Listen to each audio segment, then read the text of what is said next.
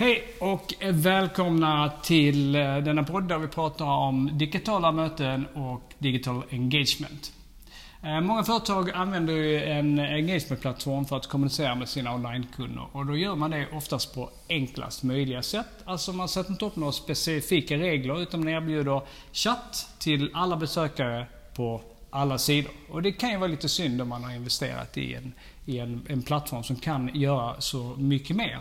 Man kan sätta upp anpassade triggers för att då få erbjuda mer personifierad hjälp eller komma med mer träffsäkra erbjudanden som då höjer, ökar konverteringen. Ja, absolut. Och särskilt om man kopplar ihop det med ett CRM-system i bakgrunden till exempel och utnyttjar den informationen och det datat man har där. Ja, för då kan man ju komma med riktigt eh, riktade, eh, personifierade eh, erbjudanden som bygger då på, på kundens eh, historik. Då.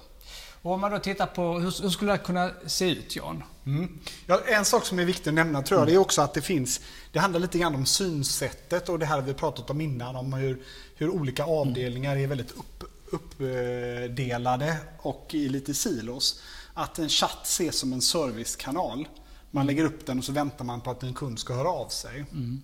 Man kanske inte tänker så mycket på att att när väl kunden är i ett digitalt sammanhang och är på vår webb mm. så kan ju vi faktiskt utnyttja det tillfället och också sträcka ut en hand till kunden. Mm. För vi vet ju så mycket om kunden. Eller hur? Ja. Absolut. Så att, eh, och utnyttjar man då egentligen den tekniken, precis som du säger, som finns i Digital Engagement-plattform, så behöver ju inte en banner, som vi kallar det för, säga hej vill du chatta med oss? Mm. Utan den kan säga så mycket mer. Mm. Eh, och några exempel är ju till exempel om du, eh, om du är inloggad kund och du är kund i ett försäkringsbolag. Mm. Så kan ju CRM ha information om givetvis vem det är, vad du heter och så vidare. Mm. Men de kan också se vad du har för försäkringsengagemang. Mm. Och kanske se att du skiljer dig från en annan kundgrupp som är mm. väldigt lik dig. Det, det vill mm. säga alla de kunderna som påminner om dig, de har också en allriskförsäkring. Mm. Men du saknar det. Så att, eh, och då kan ju en, då kan ju en chattbanner istället säga Hej Stellan! Eh, kul att du hälsar, eh, hälsar på oss. Eh, jag ser att du saknar en allriskförsäkring eh, hos oss. Skulle vilja prata med någon om det. Då är steget mycket kortare, att man, att man hoppar på det erbjudandet om man skulle börja från scratch. Precis, och då har vi ju ett säljfokus mycket mer än att mm. vi har ett rent bara service fokus. Då. Så det är mm. ett exempel. Mm. Eh, du ja, kanske har någonting ja, som precis har bokat på, resa? Ja, just det. Det är dags att börja komma ut och försöka resa lite igen. Och, eh, då är man ju väldigt bra när man bokar sin resa på... Företagen är bra på att merförsäljning, att kanske sälja in eh, extra bagage eller utflykter och försäkringar och sånt där. Men när väl det är gjort och man kommer in på hemsidan igen, man loggar på, så finns ju det här erbjudandet kanske att man, att man lägger till bagage. Men det skulle vara helt annorlunda om, jag, om systemet då vet vem jag är och kanske inte har lagt till det här bagaget eller de här utflykterna, att det då får, att det då får ett erbjudande i form av kanske en pop-up eller något sånt. Vill du lägga till lite mer bagage eftersom systemet känner att jag inte har gjort det, jag har inte bokat några utflykter. De kanske rekommenderar några utflykter där, till den destination jag ska komma på. Det är ett väldigt praktiskt exempel. Och då kopplar de mig direkt till en person som, som kan det här det. Eh, med försäkringar. Eller så kanske den är helt automatiserad process där man bokar. Det öppnar inte upp någon kanal utan man kanske går vidare bara till en bokningssida. Precis, och det går ju att använda dynamiskt i en eh, engagementplattform. Att mm. du människor tillgängliga, mm. då kan du erbjuda eh, personlig hjälp.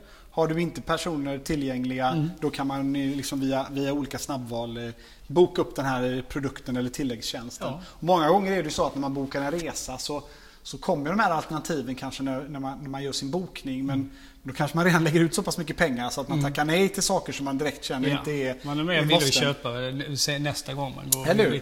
Man går in för att man vill ändå kolla när, skulle fly, ja. när gick flyget och, och så vidare. Mm. Och då kanske man är mer mottaglig. Är det, är det telco till exempel, ja, men eh, kunden besöker sidan och är inloggad. Mm. Då kan vi via CRM också pusha erbjudanden om olika typer av paketeringar. Jag kanske har min, min, min mobiltelefon och mitt eh, mobilabonnemang hos, hos en, mm. Eh, en telcokund. Men jag kanske inte har bredband hos dem. Då kan eh, det komma upp en pop-up som säger Hej, kul att du är här och hälsar på. Mm. Eh, vi ser att eh, vi har ett erbjudande om, om bredband till just Mm. dig idag. Vill du prata med en expert på det? Och så fångar du upp den. Och det gör ju också att har du, har du den analysmotorn som många har i riktigt bra engagement-plattformar så kommer ju också medarbetaren få den informationen. Här har vi en kund som är på den här sidan. Här har du CRM-informationen. Han eller hon är intresserad av, av bredband.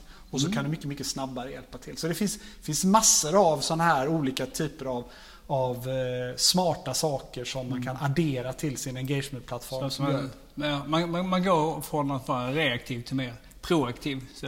Absolut, och att utnyttja då kraften i att kunden faktiskt besöker er butik. Och vänder eh, eh, proaktivt ut till, till kunden istället för att bara vänta på serviceärenden.